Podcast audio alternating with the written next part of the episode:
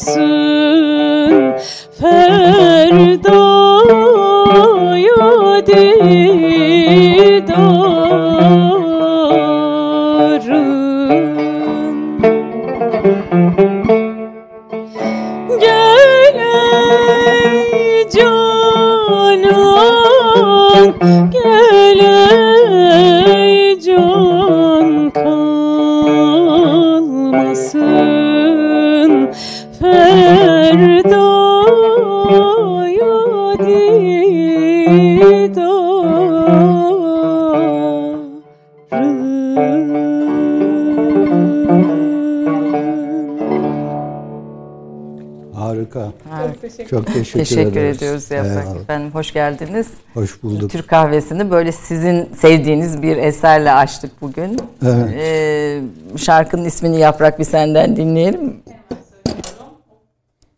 Ee, bu eser Hüseyini makamındaydı. Şerif İçli'nin bir şarkısıydı. Ezelden aşinanım ben, ezelden hem zebanımsın dedi.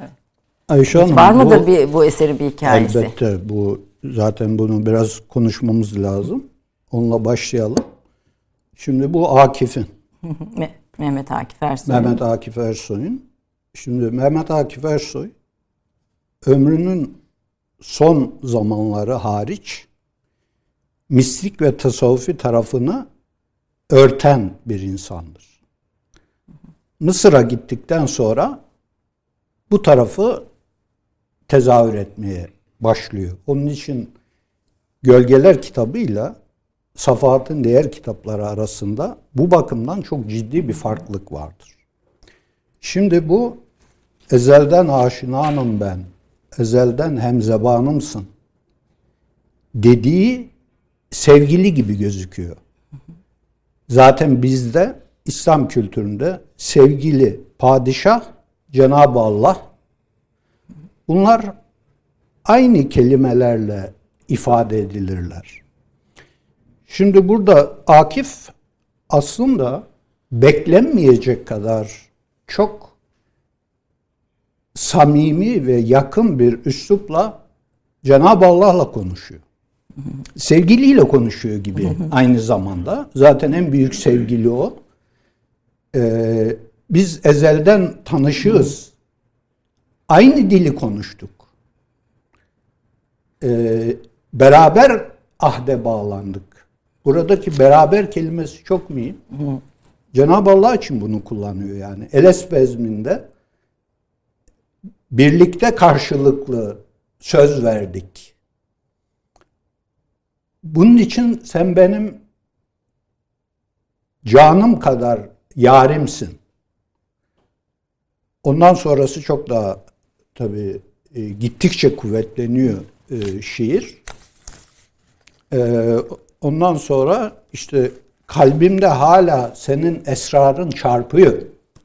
Bu ilk karşılaşmanın sırları kalbimde hala çarpıyor. Onun için buluşmamız geleceğe, kıyamete kalmasın. Gel. Gel ey canan. Kalmasın e, ferdaya diye aykırıyor tabii. Çok bestesi konusunda ben konuşamam ama bestesi de çok güzel tabii. E, Mısır'da yazdığı bir şiir Yani Mısır mı? da gözüküyor. Fakat e, yani 1923'ten sonra oldu kesin. Yani artık dışarıda biri. Dışarıda bir evet. Efendim e, İsmail Kara'yı en son 31 Aralık 2018'de en son dediğim ilk konuk ettiğimiz Türk kahvesine 31 2 yıl önceydi. Yine böyle yaklaşık bir iki yıllık bir tarihten sonra tekrar konuk etmek istedik.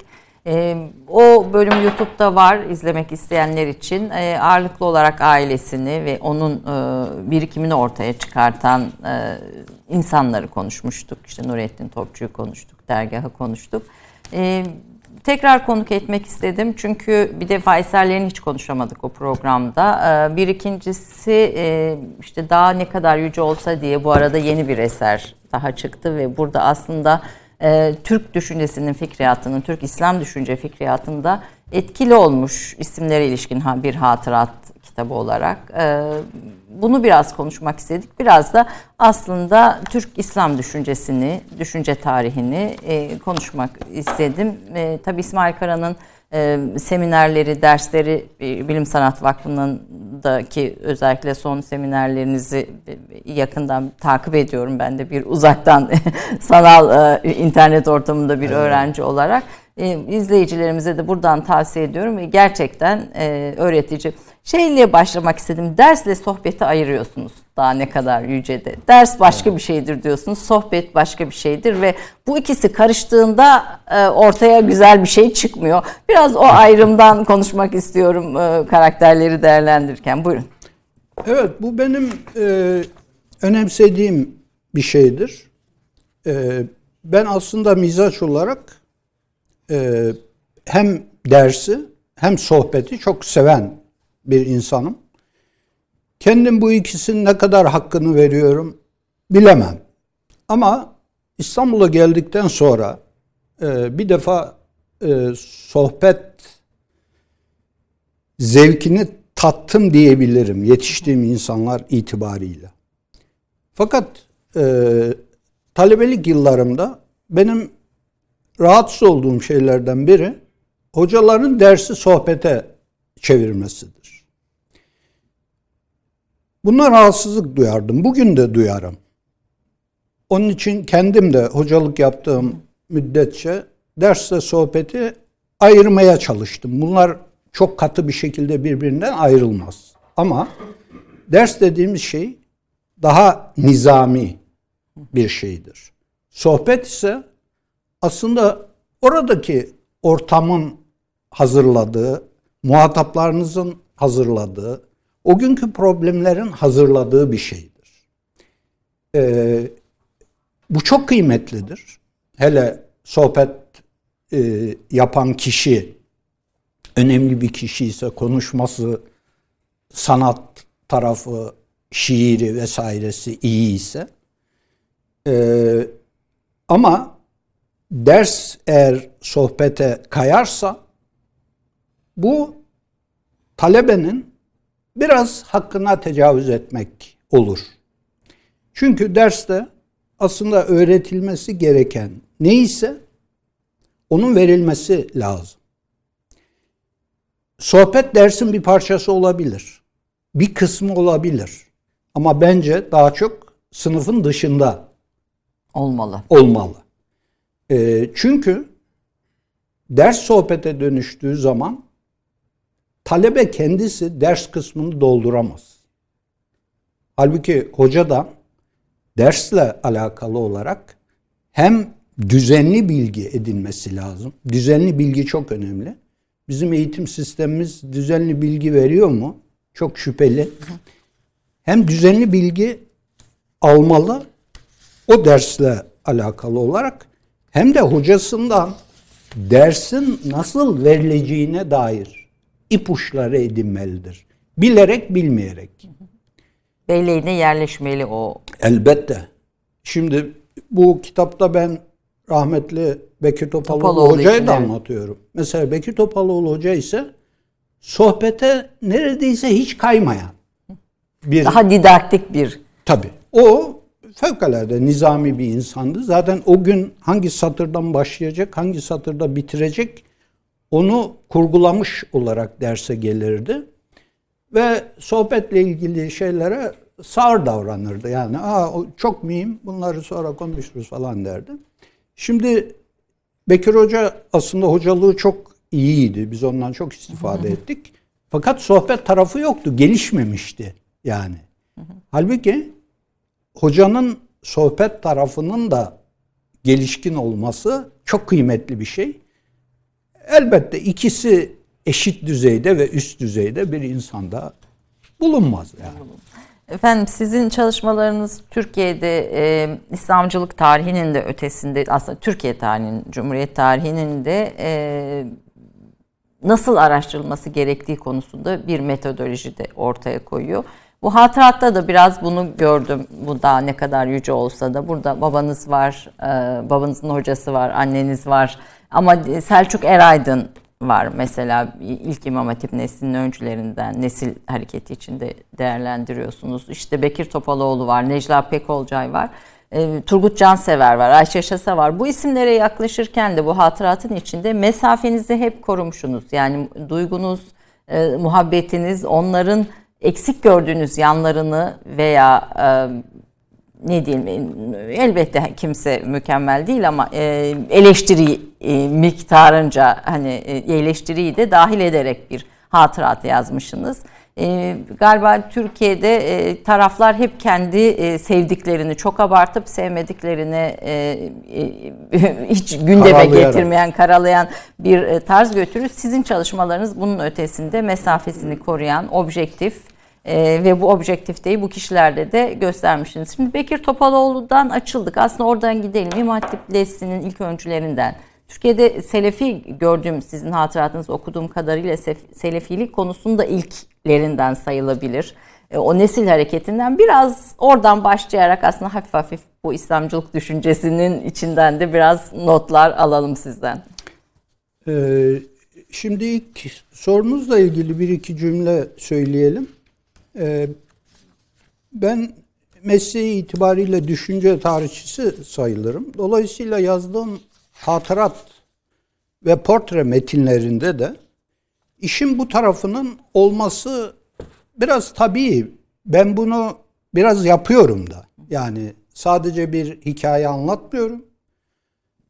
Buradaki kişilerin sözü dilde hayali gözde de böyleydi. Evet. Buradaki kişilerin aynı zamanda e, Türkiye merkezli olarak e, İslam düşüncesi, Türk düşüncesi, Türk sanatı açısından nerede durduklarına dair de e, ipuçları vermeye çalışıyorum. Elbette bu bir akademik metin değil, bir hatırat metni. E, tespitiniz de çok doğru. Ben sadece e, medihle, methetmekle ilgilenmiyorum. E, elbette bunlar benim sevdiğim kişiler.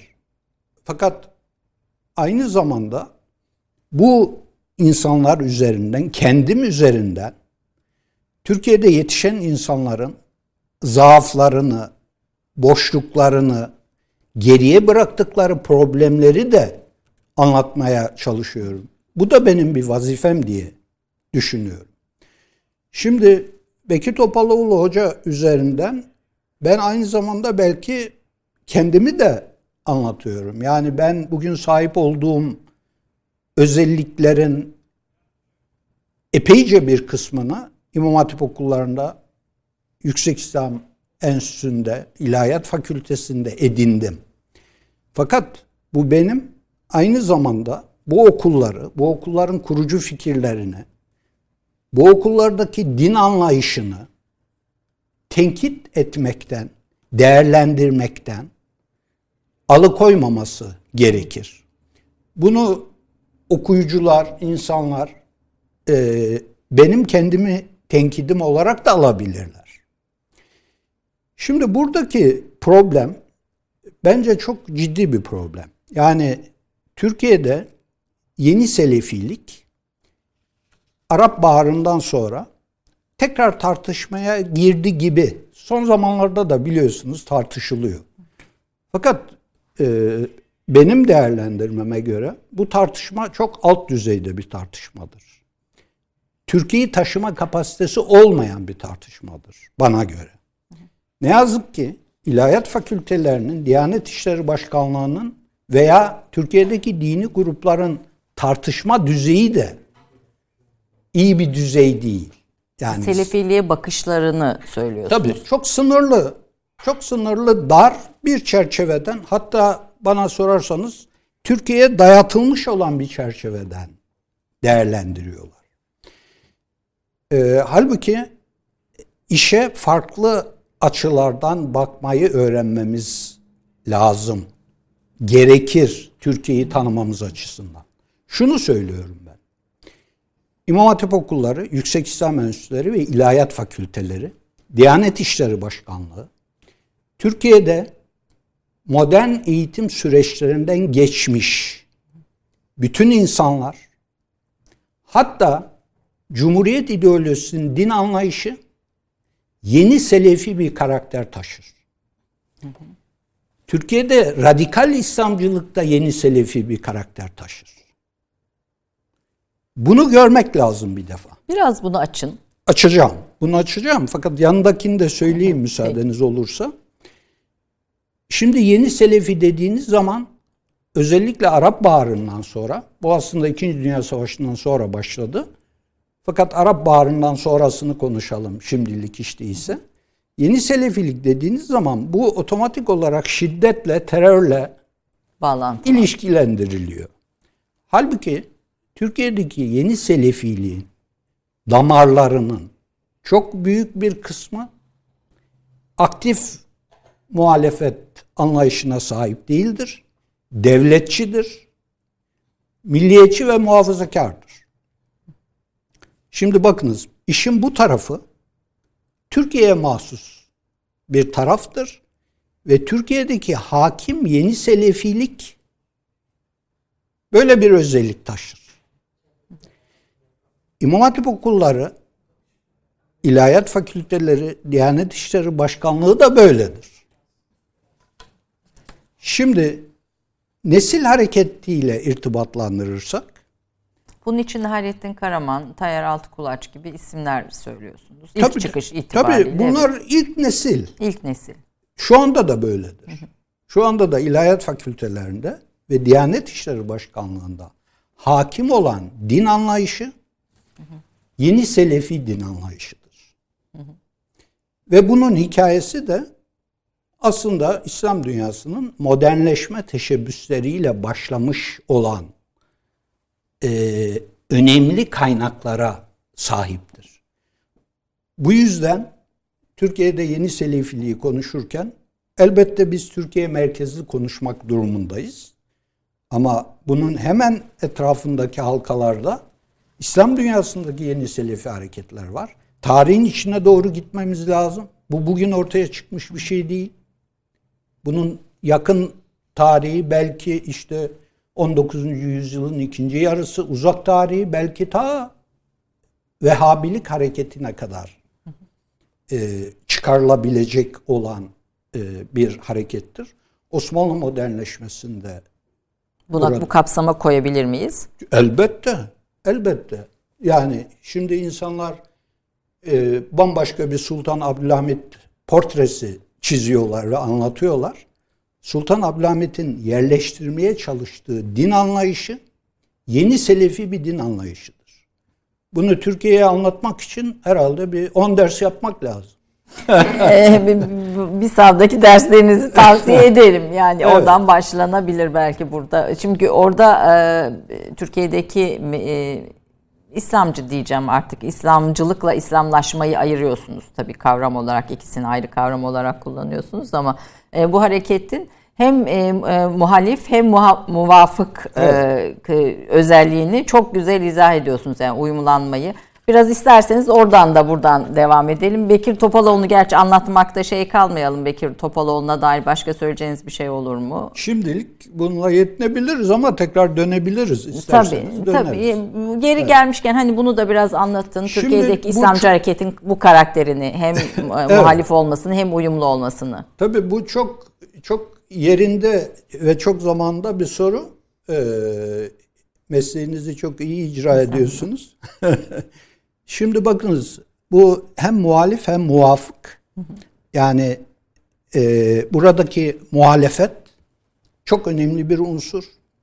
Çağdaş İslam düşüncesi için, İslamcılık hareketi için, yeni Selefi hareketi için.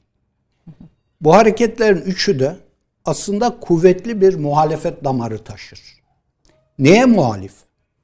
Diyelim ki batılılaşmaya, muhalif dışa karşı, Avrupa'yı değer, modern değerlere karşı muhalif. İçeride işte zalim, müstebit yöneticilere karşı muhalif. İçeride eski din anlayışına karşı muhalif, geleneksel din anlayışına karşı muhalif. Bakınız yeni selefi damarın en önemli yönlerinden biri budur. Geleneksel din anlayışlarına sert bir şekilde karşıdır. Ve bunu hatta İslam'a aykırı görür. Biraz daha kuvvetlendirelim. Bunu siz de çok iyi Sahih, bilirsiniz. sahih İslam e, kavramı Gerçek burada. İslam, sahih İslam. Radikal İslamcılığın uç noktaları geleneksel Müslümanlığı küfür sayar. Şirk sayar yani. Şimdi bu aslında bu damarı uzun tarih içerisinde yani bir buçuk iki asırdır canlı tutan damardır. Muhalif Fakat olması. muhalif olması. Fakat hadiseyi sadece bununla sınırlı görmek bence meselenin yarısını görmektir.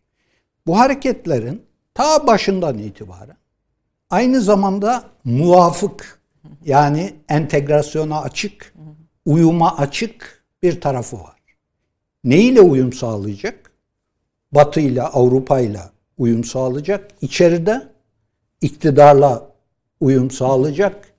İçerideki hakim zihniyetle uyum sağlayacak.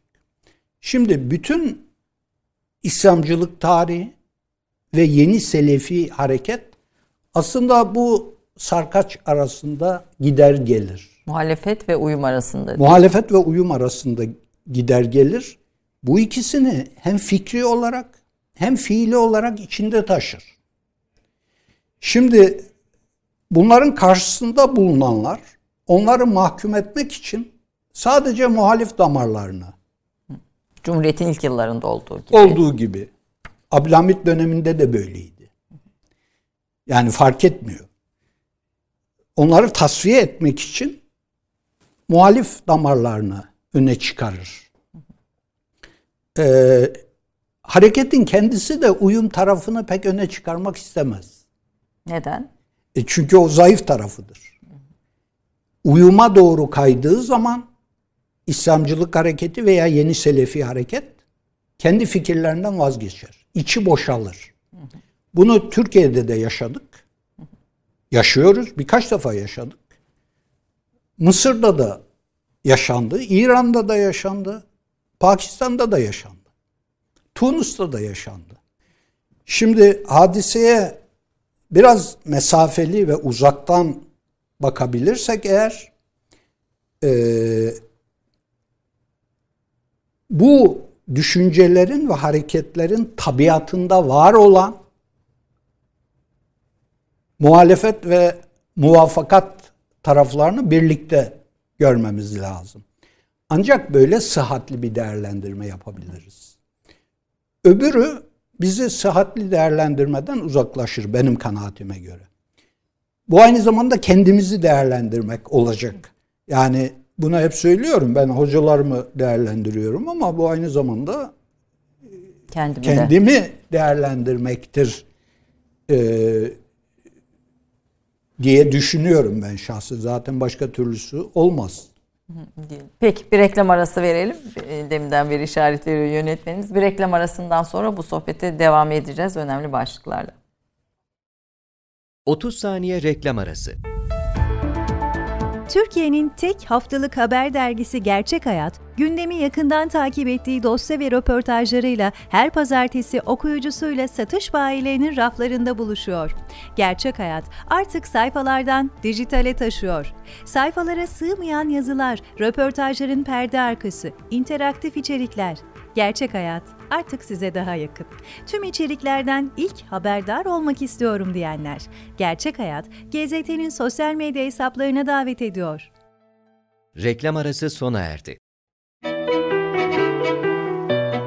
Profesör Doktor İsmail Kara 1955 yılında Rize Güneyce'de doğdu. Güneyce İlkokulu'ndan mezun oldu. İstanbul İmam Hatip Okulu'nu, İstanbul Yüksek İslam Enstitüsü'nü ve İstanbul Edebiyat Fakültesi Tarih bölümünü bitirdi. Uzun yıllar dergah yayınlarında editörlük ve yayın yöneticiliği, Saint Pulcher Fransız Kız Ortaokulu'nda din ders öğretmenliği yaptı. İslamcılara göre Meşrutiyet İdaresi 1908-1914 başlıklı teziyle siyaset bilimi doktoru, ardından 2000'de doçent, 2006'da İslam felsefesi profesörü oldu.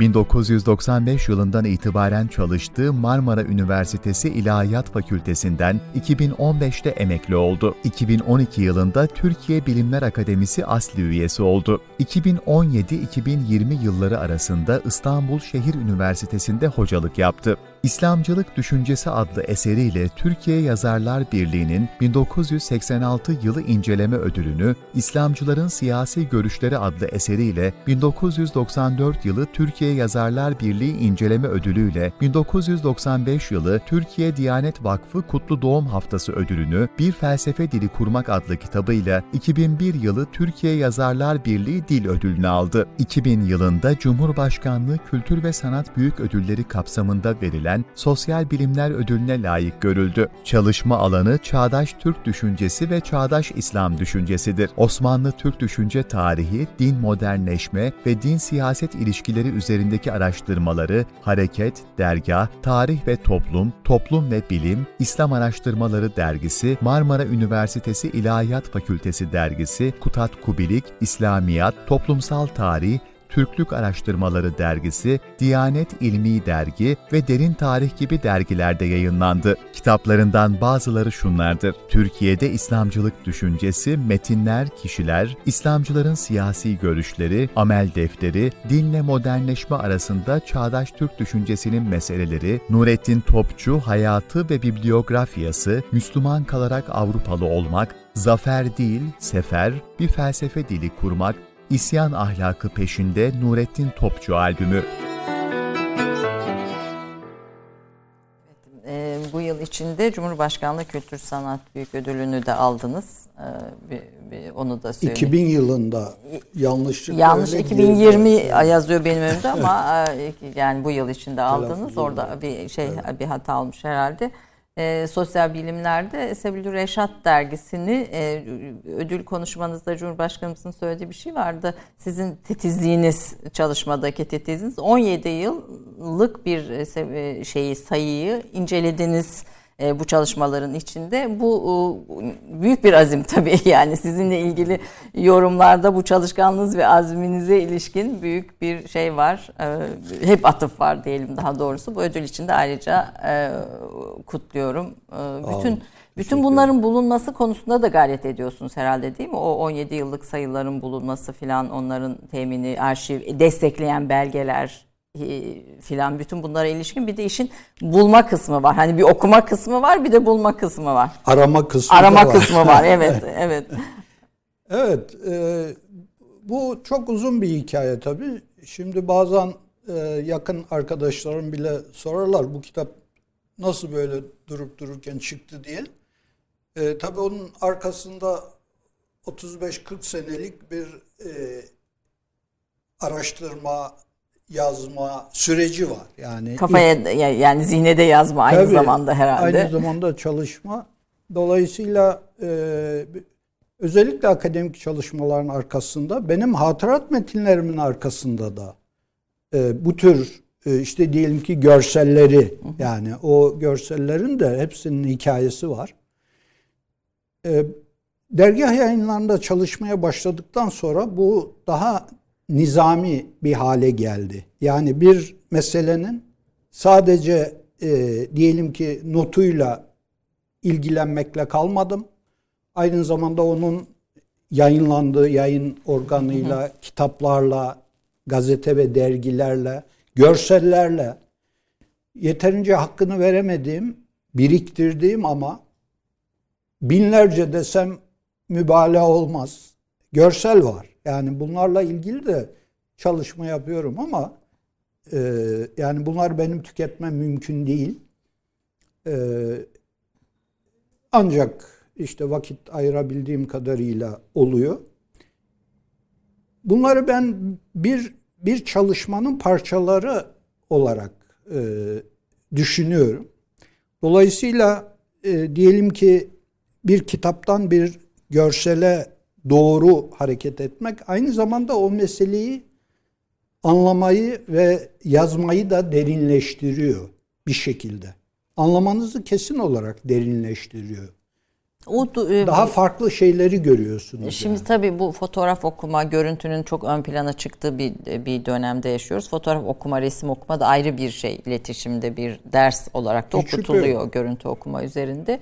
Ee, siz e, bu, burada o duyguyu mu hissediyorsunuz o fotoğrafla? Yani onlarca sayfalık bilginin yanında tek bir fotoğraf size başka bir şey mi söylüyor? Şüphesiz yani birçok şeyi veriyor. Tabii orada aslında fotoğrafı diyelim ki karikatürü aynı zamanda bir sanat eseri kabul edersek eğer sadece bir gelişi güzel tespit değil de bir sanat eseri kabul edersek o zaman zaten konuşma imkanı, anlatma imkanı çok zengin olan bir e, nesneden bahsediyoruz demektir. Bu e, BİSAV'ın e, seminerlerinden birisinde gö- görüntülü olarak e, Cumhuriyet'in dinle ilişkisini anlattığınız bir görsel serisi var. Orada kadınlar üzerinden e, bir anlatım var.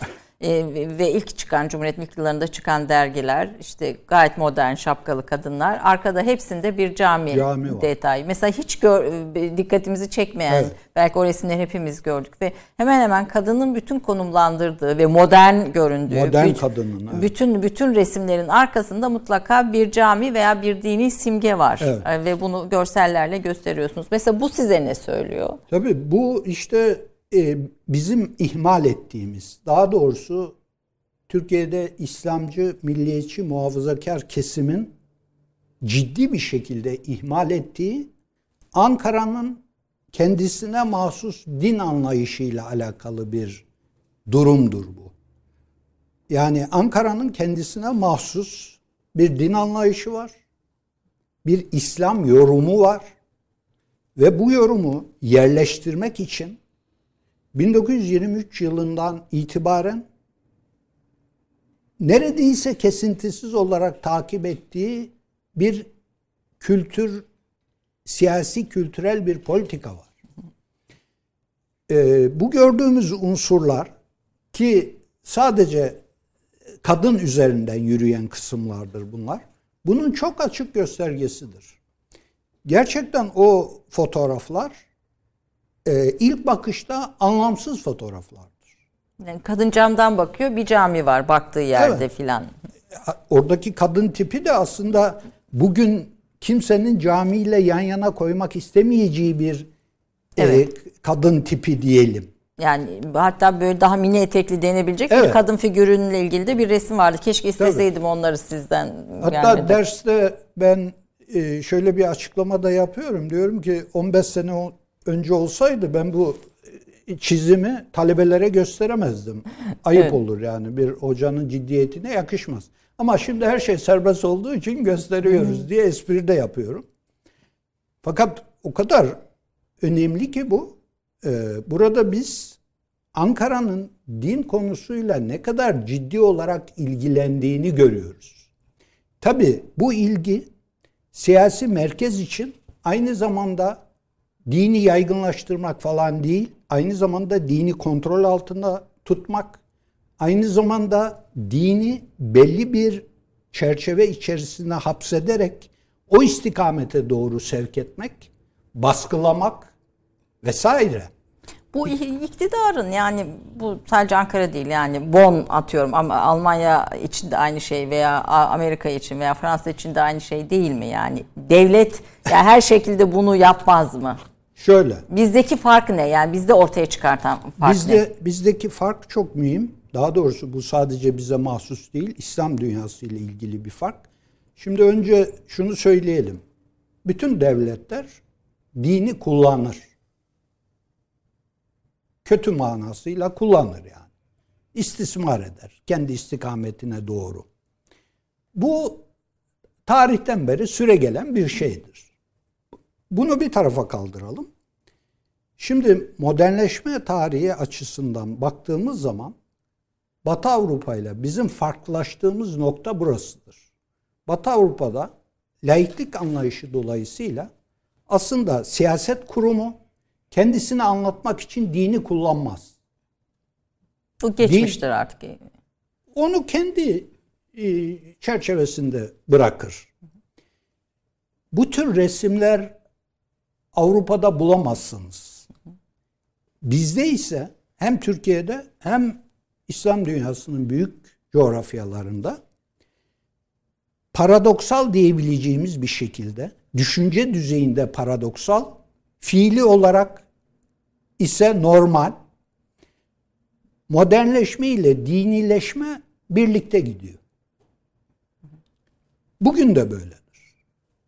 Halbuki bunlar felsefi olarak birbirini itmesi lazım. Bir de tabii algı olarak mesela Cumhuriyet Halk Partisi'nin ilk yıllarında e, bu gösterdiğiniz resimler o yıllara dairdi. Cumhuriyet'in ilk partisinin ilk yıllarında, iktidarın ilk yıllarında da modernleşmenin yüzde yüz hani empoze edildiği zamanda da mı böyle bu? Tabii böyle. Yalnız diyelim ki 1950'den sonra bunun dereceleri değişiyor.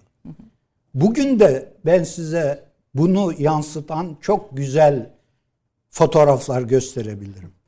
Şimdi siz hem iletişimcisiniz hem o yılları içinde bulunarak Evet. yaşadınız. 1991 ve 1995 seçimlerinde Refah Partisi'nin duvarlara yapıştırdığı Al- e, Afişler. reklam afişlerinde ilk defa açık kadınlarla başörtülü kadınlar yan yana kondu. Hatırlıyorsunuz Evet, değil mi? evet, evet. Ben o zaman bunları hem yapan arkadaşlarla konuştum hem de bunları aldım. İlk defa olan bir şeydi. Şimdi bakınız bunu Halk Partisi yapmıyor. 1991 yılındayız, 1995 yılındayız ve Türkiye'de başka bir damarı canlandıran bir hareket bunu yapıyor. İsteyerek mi yapıyor? bir imaj mı vermek istiyor? Bunu tartışabiliriz. Evet. Fakat e, bakınız burada diyelim ki bu e, afiş neyi anlatıyor? Yani hem dindarlaşmayı anlatıyor hem modernleşmeyi anlatıyor diyelim. Bana sorarsanız oradaki başı kapalı hanım da modern bir hanım. Geleneksel bir Örtü başörtüsü ve örtü e, dindar hanım tipi değil. Yani oraya diyelim ki çarşaflı ne bileyim ben işte Yazmalı filan ağzı kapalı bir şey. birini koymuyor yani. Modern bir başörtülü. Ee, bu bakımdan aslında bu mesele de bizim çok mühim bir meselemiz. Yeterince ele alınmamış bir meseledir. Türkiye'de ve İslam dünyasında felsefi olarak mesafeli olan modernleşme ile dinileşme birlikte gidiyor. Bunlar birbirini aslında aynı zamanda deforme ediyor. Bozuyor yani. Aynı zamanda besliyor. Ee, Türkiye'de bakınız cemaatler bile ki bunlar geleneksel yapılar olarak anlatılır. Bu ne kadar doğru çok tartışmalı. İşte İskender Paşa cemaati bir geleneksel yapı güya bir tarikat. E anlatıyorlar işte efendim sanayileşmenin öncülüğünü yaptı şey efendi diyorlar. Nasıl oluyor bu sanayileşme? Ben burada biraz mübalağa görüyorum gerçi. Bu tam doğru değil yani. Ama cemaatinin böyle anlatması çok enteresan değil mi? Yani geleneksel bir yapı modernleşmenin en uç noktasıdır sanayileşme dediğimiz şey. Evet. Ee, peki bunu nasıl açıklayacağız? Oraya mensup olan bir e, zatın yazdığı kitabın adı e, üniversite adını taşıyor Evet, biliyorsunuz. üniversite önemli onlar açısından. Yani tekkeyi üniversite olarak anlatıyor. Halbuki tekke ile üniversite yani gerçek manada bakarsanız birbirini iten şeyler olması lazım. Öyle değil mi? Evet. İki Ama baş- çok rahatlıkla o tekkeye mensup olan biri e, tekkeyi üniversite olarak anlatıyor. Bakın bu e, bu zıtlıkların uyumu meselesi bugün Türkiye'nin de İslam dünyasının da bence en önemli problemidir. Ama e, o kadar Şanslıdır da diyebilir miyiz belki? Tabii, bir Çünkü imkan- imkan imkanları var. Tabii. Yalnız e, taraflardan biri sadece imkanına bakıyor. Taraflardan biri de sadece problemine bakıyor. Bizim ikisine birlikte bakmamız lazım. Yani bu aynı zamanda bir problemdir. Aynı zamanda bir imkandır. Evet. ilk- Müslüman kalarak Avrupalı olmak kitabımın başlığı bunu anlatır. Yani hem Müslüman kalacağız hem Avrupalı olacağız. Felsefi olarak mümkün, Mümkün mü? değil. Fiili olarak O da değil. bir buçuk asırdır peşinde olduğumuz şey budur. Evet. İki Biz asırdır bunun peşindeyiz. paradoksal bir şeyleri e, bir, arada istemeyi e, şey sayıyoruz. Yani hem İslam ahlakını savunuyoruz. E, işte kanaattir İslam ahlakının içinde. Hem diğer taraftan da kapitalizmi savunuyoruz. Yani bu paradoks hep galiba e, var. Bunu hayatın içindeki zıtlıkların e, bir arada o bulunması gibi bir hikmete bağlayabilir miyiz? Tabii yani şöyle şimdi e, vatandaş e, bu bizim işte felsefi olarak zıtlık fiili olarak uyum var dediğimiz şeyi ikisine ayırarak düşünmez ve anlamaz zaten. Fakat eğitimli insanların bu problemin bütün taraflarını konuşup tartışması lazım. Bizim problemimiz yani Evet. bizim içinden geldiğimiz, yaşadığımız ve belki problemlerini artırarak aktardığımız bir şey bu. Ee, hayatımızın bir parçası ve burada ben e, şunu ısrarla söylüyorum. Burada İslamcısı, milliyetçisi, solcusu fark etmez yani. Bu hepimizin bir e, ciddi problemidir. Ee, söylediğiniz şeylerden birisi Türkiye'nin problemi Doğu Batı kıskacında kalması değil, kendisine bir merkez bulamamasıdır. Ee, Türkiye'de enter, enternasyonalizm, solculuğu, Turancılık, milliyetçiliği, ümmetçilik, İslamcılığı merkezden kopardı diyorsunuz. Belki bu çerçevede yeni Selefiliğin de bu merkezden kopmasında bir etkisi oldu mu? Ee, bu bir, bir merkez bulamamasında daha doğrusu Türkiye'de. Ee, biraz bunun üzerine de konuşalım istiyorum. Olur. O- Bir, bir kısa ara verip bir eser dinleyelim mi? Ne güzel olur. ne güzel olur değil mi? Böyle dimağımız için. Ne, ne dinleyeceğiz? Şimdi Emin Onga'nın yine hocam Hüseyin'i makamında bir şarkısı Ayşe Hanım. Arz etmediğim yare meğer yare mi kaldı diyeceğiz. Eyvallah. Peki. Arz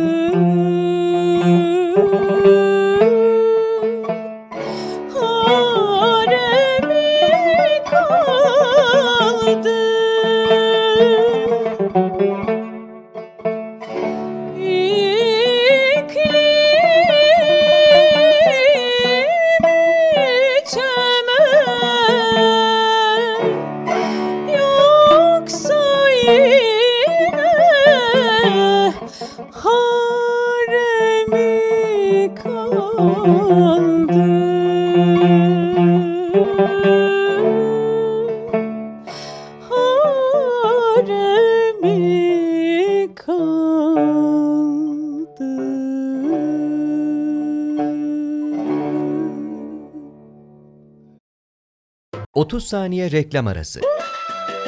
Birinci sınıf bir kültürün, birinci sınıf bir düşüncenin, birinci sınıf bir duyarlılığın dergisi Cins, hem edebiyat dünyamızın önde gelen isimlerini hem de yeni kalemleri ağırlıyor. Her ay bayilerden ulaşabileceğiniz Cins dergi, dijital dünyaya da yeni bir kapı aralıyor. Sayfalara sığdıramadığımız kıymetli yazılar, merak ettiğiniz yazarlarla cins sohbetler, dergiden ekrana yansıyacak röportajlar ve tabii podcast. Şimdi sizleri Cins'i tüm sosyal medya mecralarından ve gezete.com adresi üzerinden takip etmeye davet ediyoruz. Reklam arası sona erdi. Efendim biz tabii reklam arasında müzikten başladık sohbete. hani bir ara verip şey, şey Türkiye İslamlaşma filan meselelerine bir ara verip müzik dinlemeyi seviyorsunuz hocam herhalde. Evet dinlerim. Onu bayağı bir repertuarınız da var e, Aslında bildiğim kadarıyla. şöyle bunu bir e, acı ızdırap olarak da söyleyebilirim. Ben 14 yaşında İstanbul'a geldim. İstanbul İmam Hatip Okulu'na geldim. İkinci senenin ikinci dönemi. Ee, biraz ağabeyimin de ilgileriyle e, fakat biraz da ortam dolayısıyla dinlediğim hocalar dolayısıyla e, aslında iki sahada e, hiç değilse elementer düzeyde eğitim almak istedim. Bunlardan biri hat, biri musiki. Aslında ikisinde de çok istidatlı olduğumu düşünmüyorum. Sesim çok iyi bir ses değil. Ee, kalemim de yani resim için falan çok iyi bir kalem olduğunu zannetmiyorum. Fakat buna imkan bulamadım İstanbul'da bile. Ee, ama ikisiyle de e, kültürel olarak epeyce yakın ilgilendim diyebilirim. Yani musiki e, Yaprak Hanım'a da söylüyordum. Talebelik yıllarında şans sinemasına Münir Nurettin Selçuk ve ekibini dinlemek için gitmişliğim vardır. O zaman Nevzat Atla Korosu henüz yok yani. Yok, o evet. 70'lerin sonları. Ve oradaki sesler hem e, saz hem e, söz sesleri kulaklarımdadır. İşte Recep Birgit'in sesini, oradaki sesini hiç unutmam. Ee, Münir Nurettin'in sesi bana ne hikmetse biraz mübalağalı gelmiştir. Siz daha düz e, ses. Yani niçin mübalağalı geldi bilmiyorum. Böyle yani bu belki benim kulaklarımla alakalı bir şey. İnci Çayırlı Hanım da e, oranın solistlerindendi. E, tabii aynı zamanda saz heyeti de çok çok çok iyiydi. Hepsi iyi Tabii. Münir Nurettin Bey'in işaretlerine e, çok dikkatli bir şekilde takip ederlerdi.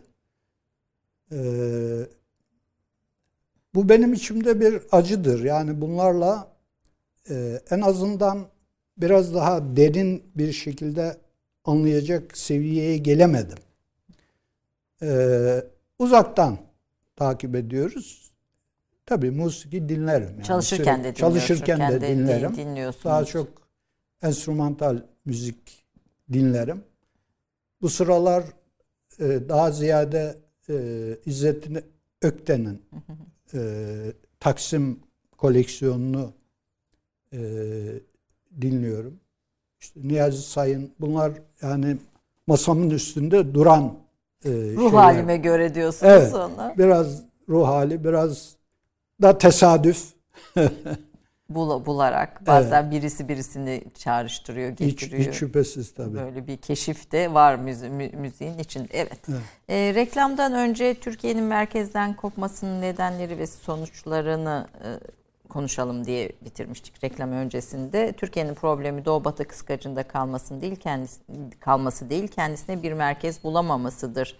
E, Türkiye'de enternasyonalizm, solculuğu, Turancılık, milliyetçiliği, ümmetçilik, İslamcılığı merkezden kopardı diyorsunuz. Evet. Yine bir başka yerde de Türkiye'nin İslam dünyasında çağdaş İslam düşüncesi içinde e, olmaktan çıkarıldı. Burada tabii oryantalistlerin e, çabalarına da e, e, geniş izahlar veriyorsunuz. Bunu değerlendirelim. Biraz da bu yeni selefiliğin bu merkezden kopmadaki etkisi üzerinde de yorumunuzu Evet. merak ederim.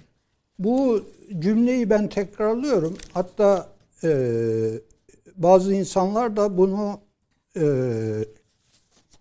yani hem soru olarak hem tenkit olarak bana yöneltiyorlar.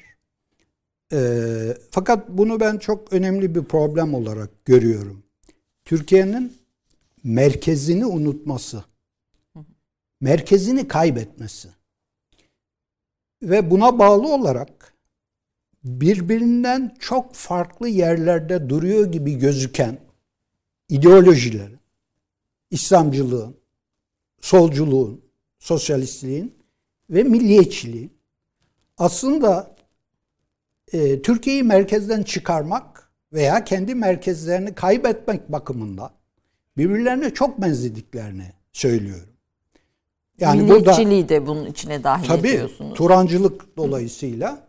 Şimdi milliyetçilik nasıl Türkiye'den kopuk olur diyor insanlar.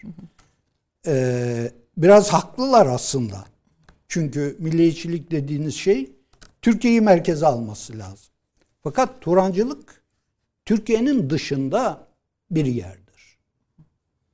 Yani bu Cumhuriyet ideolojisinde de vardır. Cumhuriyet ideolojisinin hem Güneş Dil Teorisi hem Türk Tarih Tezi Orta Asya'ya bakar.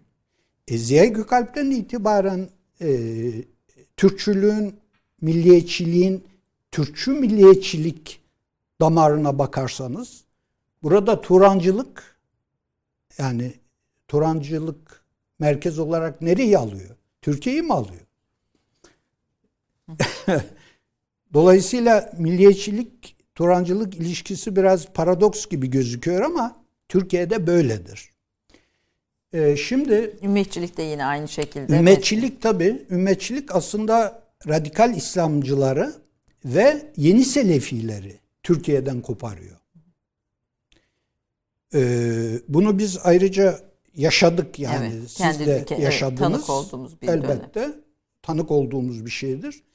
Ve bu problem bugün azalmış değil. Bakınız bugün Türkiye'de ne solculuk, ne İslamcılık, ne milliyetçilik 1960-70'li yıllardaki gibi değil.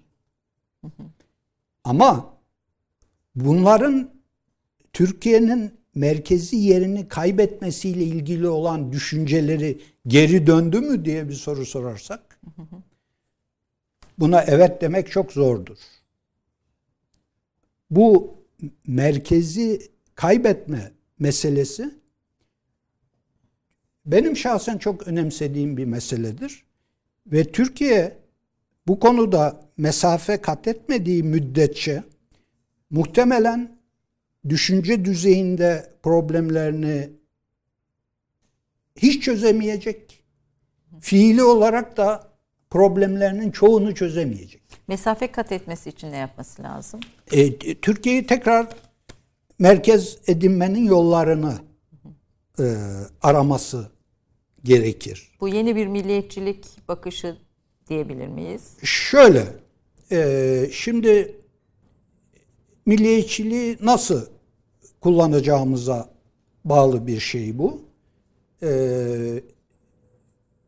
Soğuk Savaş sonrası tırnak içerisinde milliyetçilik e, idare edilen ülkeler için tukaka edilen bir düşüncedir.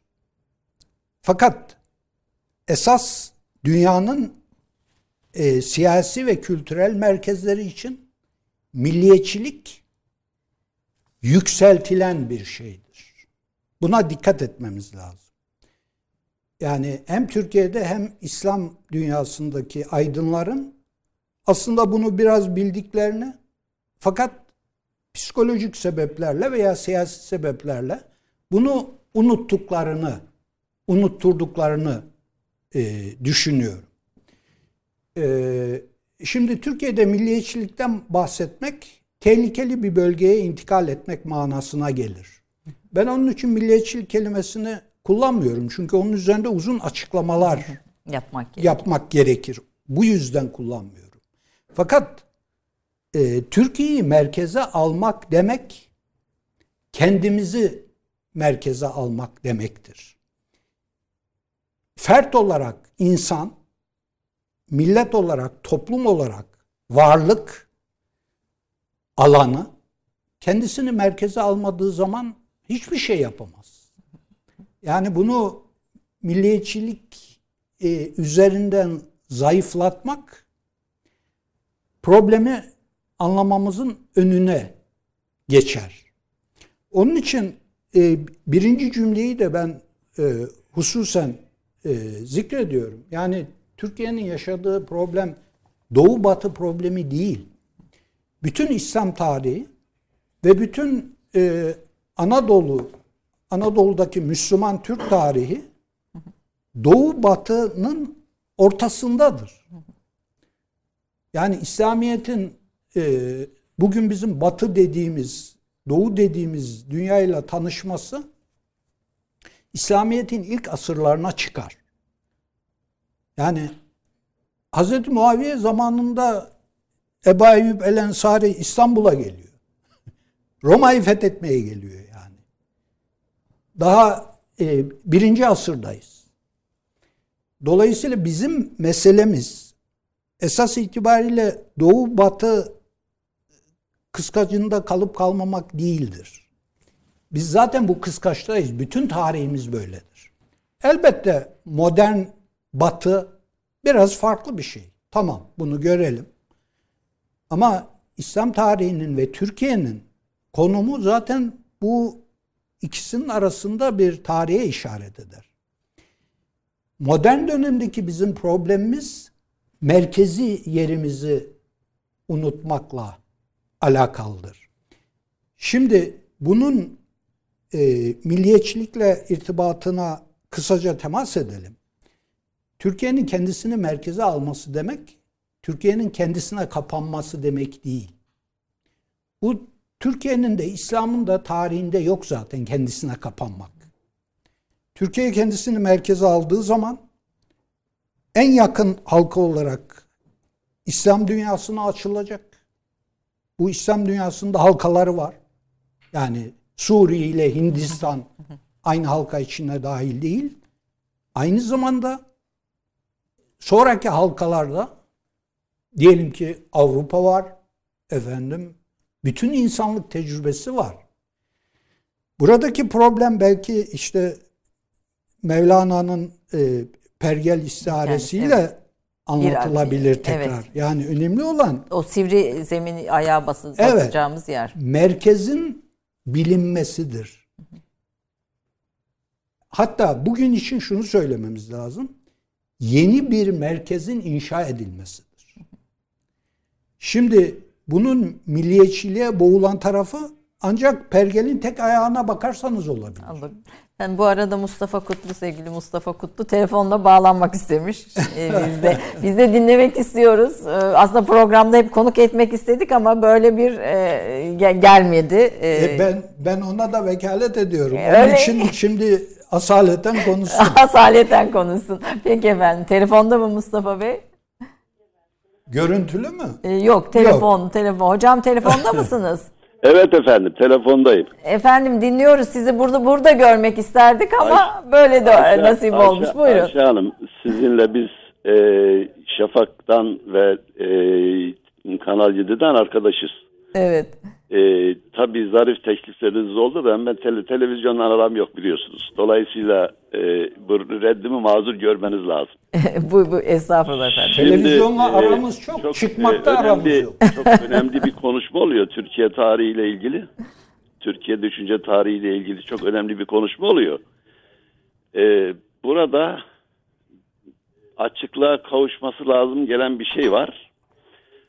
Onu sadece İsmail Kara ve siz değil de e, Efkar-ı düşünmesi için söylüyorum. E, bir buçuk, iki asırdır modernizm ile efendim muhafazakarlık veya dindarlık beraber yürüdü gibi görünüyorsa da İsmail Kara'nın tabiriyle Cumhuriyet'te İslam parantezi alınmıştır. Ondan sonra gelen bugüne kadar İsmail Kara bugün de devam ediyor demesine rağmen ben şu soruyu cevaplandırılması isterim. Kazanan kim oldu? Kimin borusu ötüyor? Dünyada ve Türkiye'de kimin hükmü yürüyor? Aslında buna bakmamız lazım. Kim önde gidiyor, kim ötekini takip ediyor veya yanında bulunmaya çalışıyor. Aslında Türkiye'nin merkez olması, merkeze alınması, kendini merkez edinmesi bu problemi çözmekle mümkündür. Zor bir iş. Eyvallah. Peki dinleyelim mi o zaman efendim? e, e, bu- Evet efendim. Böyle Evet. bir soruyu yöneltelim İsmail hocama. Ee, çok teşekkür ediyoruz Evet, katkınız ve yorumunuz için. Ee, sağ olun efendim. Burada da tekrar görme isteğimizi izleyicilerimiz adına Teşekkür yineleyelim. ederim. Sağ olun. Allah razı Peki, olsun. peki, peki. Çok teşekkür ediyorum. Sağ olun. Sağ olsun e, Mustafa abimiz. Soru böyle sorulur dedi. Evet. Buyurun. Sadece soru değil, aynı zamanda takip yani. Takip tabii. Devamlı evet. takipteyiz. Ee, Allah kendisine sıhhat, afiyet, Aferin. versin. Allah uzun ömürler versin. Biz bir çeyrek yüzyıl aynı odada çalıştık. Ee, o bakımdan e, ben şöyle bir ifade kullandım bir yazımda. Artık kelimelerle ifade etmeden de konuşabiliyorduk. Bakışarak, Bakış. mimiklerle yani. Ee, şimdi e, Mustafa abinin gündeme getirdiği soru bizim konuştuğumuz e, problemin ister üstüne yerleşsin, ister altına e, yerleşsin. Önemli bir soru. Yani diyor ki evet Türkiye ve İslam dünyası modernleşmeyle dinileşmeyi beraber getirdi bugüne kadar. Fakat burada hakim olan çizgi hangisi? Ee, Acaba borusu ötüyor diyor yani burada. evet Kim kimin- kimi yönetiyor veya etkiliyor. kim kimi yönetiyor? Şimdi e, şöyle realiteyi tespit etmek açısından bakarsak çok rahatlıkla modernleşme aksının hakim bir çizgi olarak devam ettiğini söyleyebiliriz. Bugünkü hadiseye bakarsak. Fakat burada bakmamız gereken ikinci bir husus var modernleşmenin felsefi iddialarından biri modernleşme süreci ilerledikçe dinin ortadan kalkacağı idi. Din ortadan kalkacak yani. Şimdi bir, din ortadan kalkmadı. Geri döndü. 1970'li yıllarda batıdaki din sosyologları bunu yazmaya başladılar. Evet. Türkiye'ye 90'larda geldi bu. Aşağı yukarı bir çeyrek yüzyıl sonra. Yazmaya başladılar fakat onlar şunu söylediler.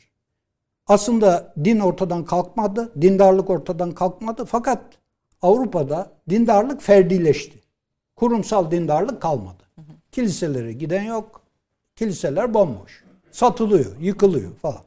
Yeni din e, varyasyonları çıktı vesaire. Evet. Fakat İslam dünyasına gelirsek, İslam dünyasında böyle değil.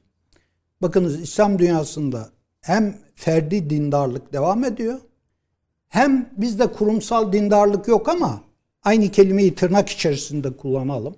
Diyelim ki cuma cemaati. Artıyor. Yükseliyor.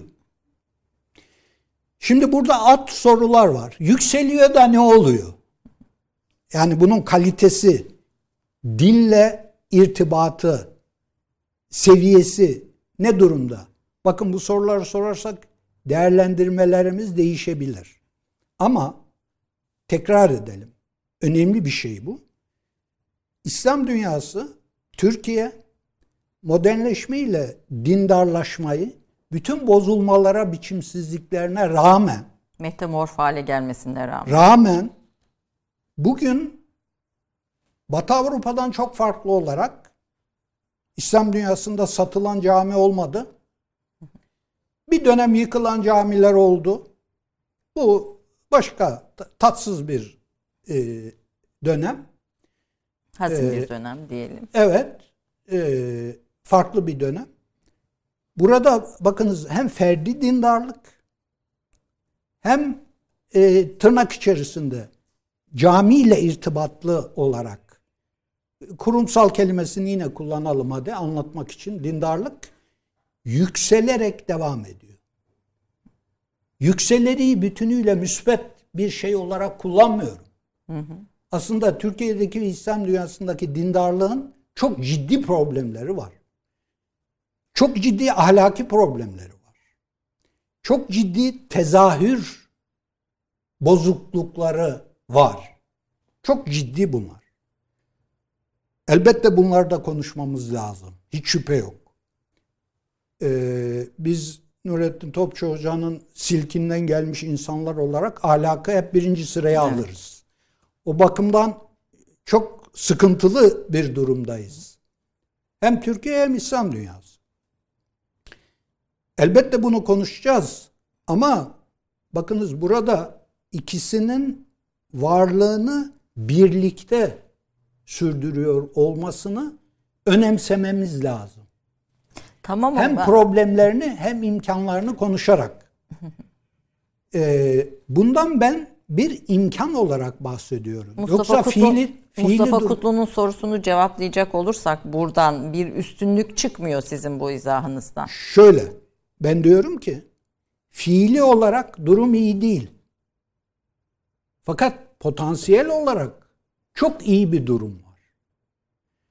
Onun için işin problem tarafı çok ağır, imkan tarafı çok yüksek.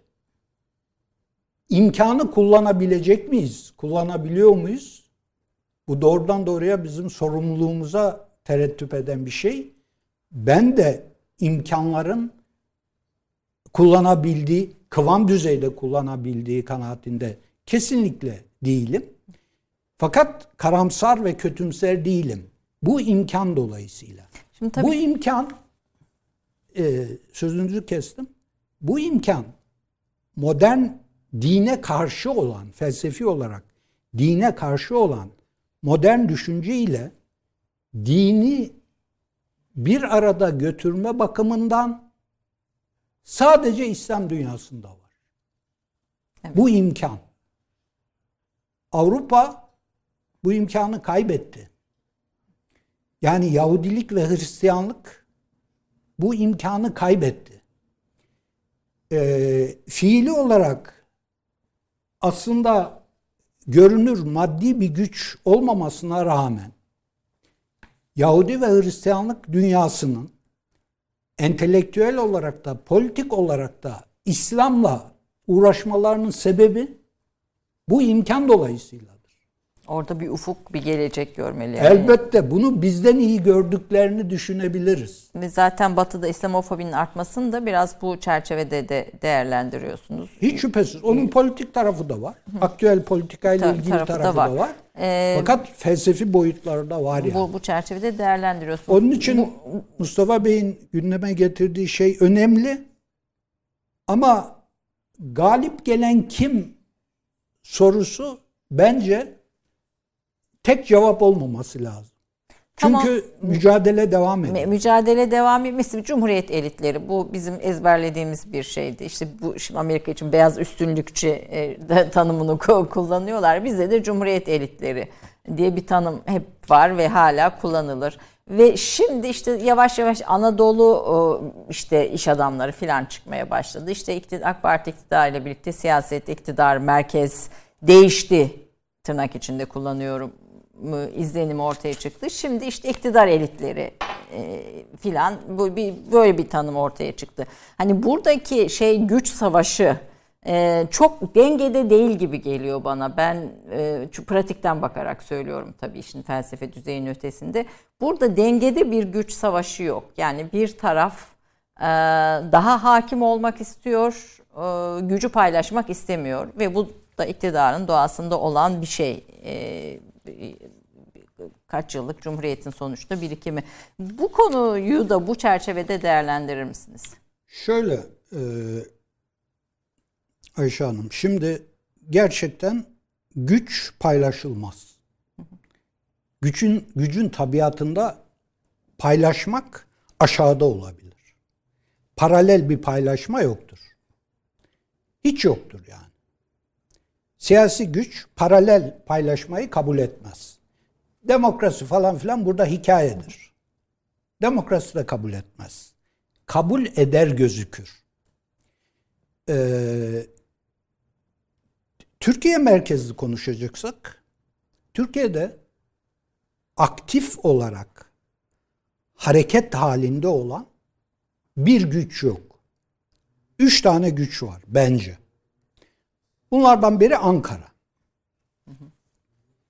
Ankara ben hep biraz espri biraz gerçek olarak şunu söylerim. Ankara'yı ciddiye almak lazım. Ankara 1920'den beri bir güç odağıdır. Tabiatı değişti mi? Bunu ayrıca konuşmamız lazım. İkinci güç odağı Türk insanıdır. Türk milletidir. Türk toplumudur. Hatta Müslüman Türk toplumu dememiz lazım. Çünkü Türk toplumu deyince iş biraz bulanıklaşıyor. Evet. Özellikle Soğuk Savaş sonrası dönemde. Hele bu Türk Türkiye falan Türk kullanımı terk edildi biliyorsunuz. Türkiye kullanımı yaygınlaştı.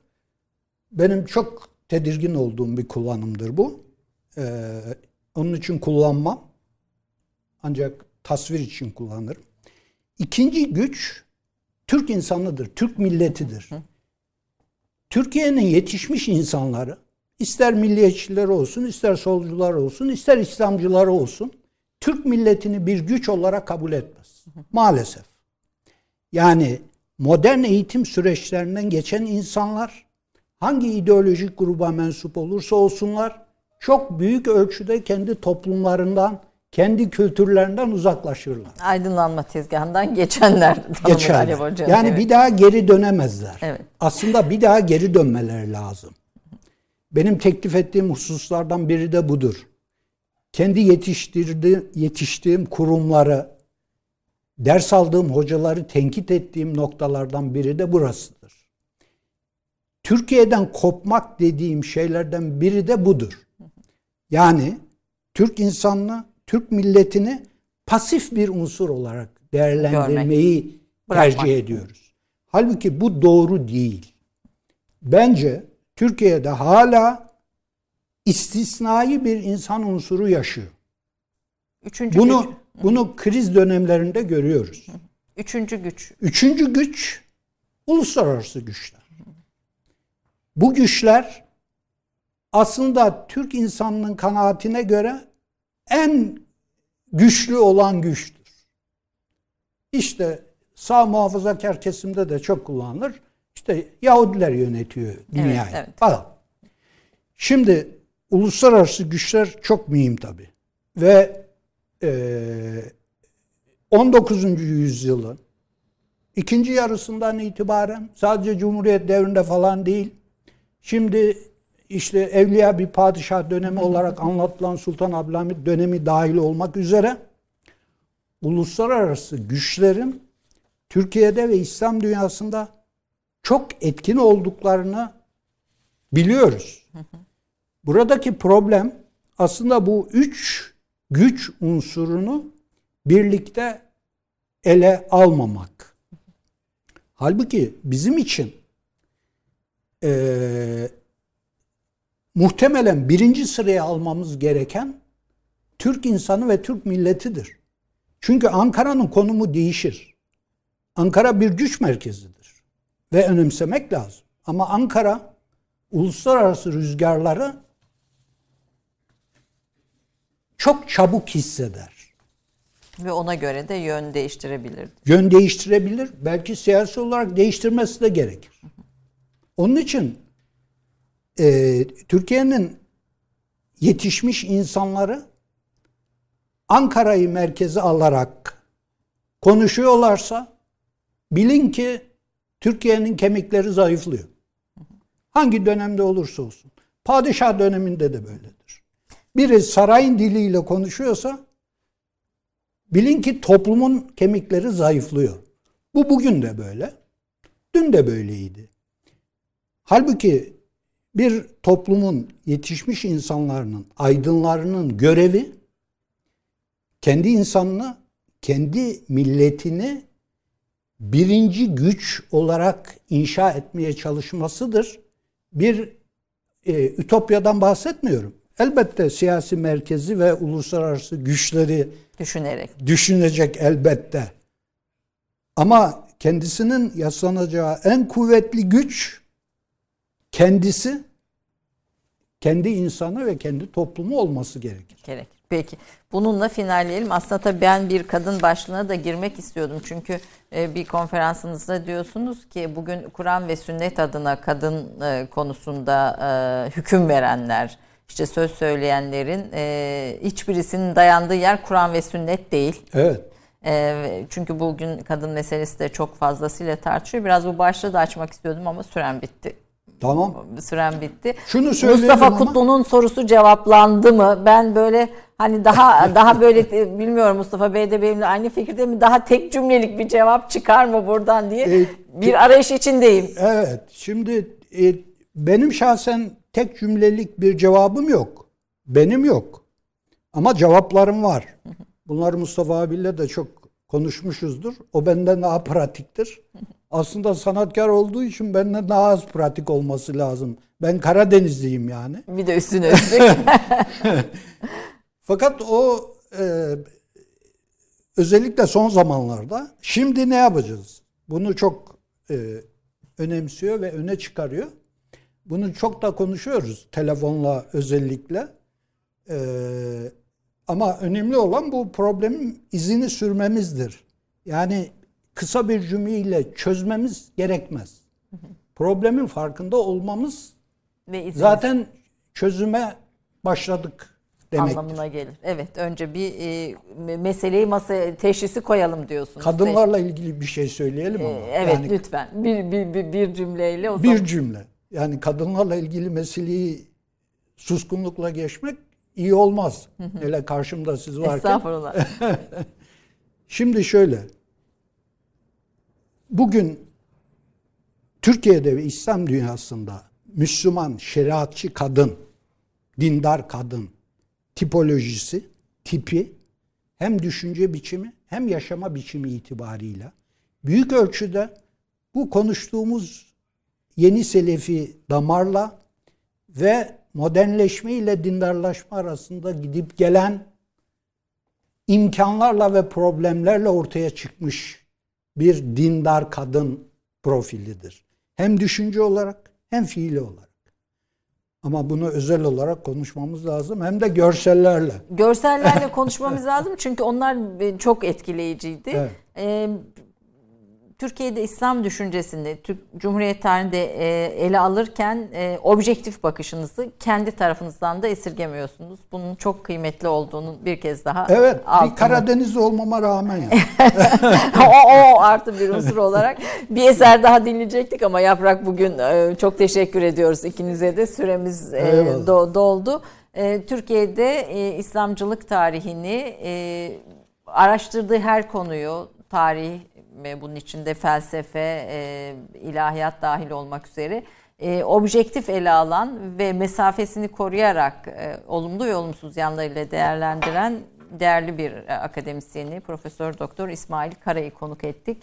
E, doğrusu sohbetin devamının olması gerekirdi bütün bu meseleleri ortaya koyduktan sonra ancak süremiz bu kadar. E, bir başka sefere inşallah bir imkan İnşallah. olduğunda e, çünkü siz hem problem hem imkandan söz ederek Evet. aslında bize başka bir bakış açısı da ortaya koyuyorsunuz. Başka bir ufukta veriyorsunuz. Katkılarınızın çok kıymetli olduğunu altını tekrar çizerek çok çok teşekkür ediyorum. Ben de teşekkür ediyorum. katıldınız. Size de arkadaşlara da çok teşekkür ederim. Kadın meselesini ayrıca tekrar konuşmayı da Evet. çok arzu ederim. Çünkü hepimizin çok böyle e, maruz kaldığı e, şeyler var bunun içinde. Saldırılar da var, hakaretler de var, imkanlar da var dediğiniz gibi değerlendirmeler de var. Hani bunları bir başka programda konuşmayı çok arzu ederim. Ayşe Hanım ben de bu kadın konusunu yeteri kadar yazamıyorum. Problem ateş üstünde olduğu için. Evet. Ee, onun için görsellerimin de çoğunu göstermiyorum yani.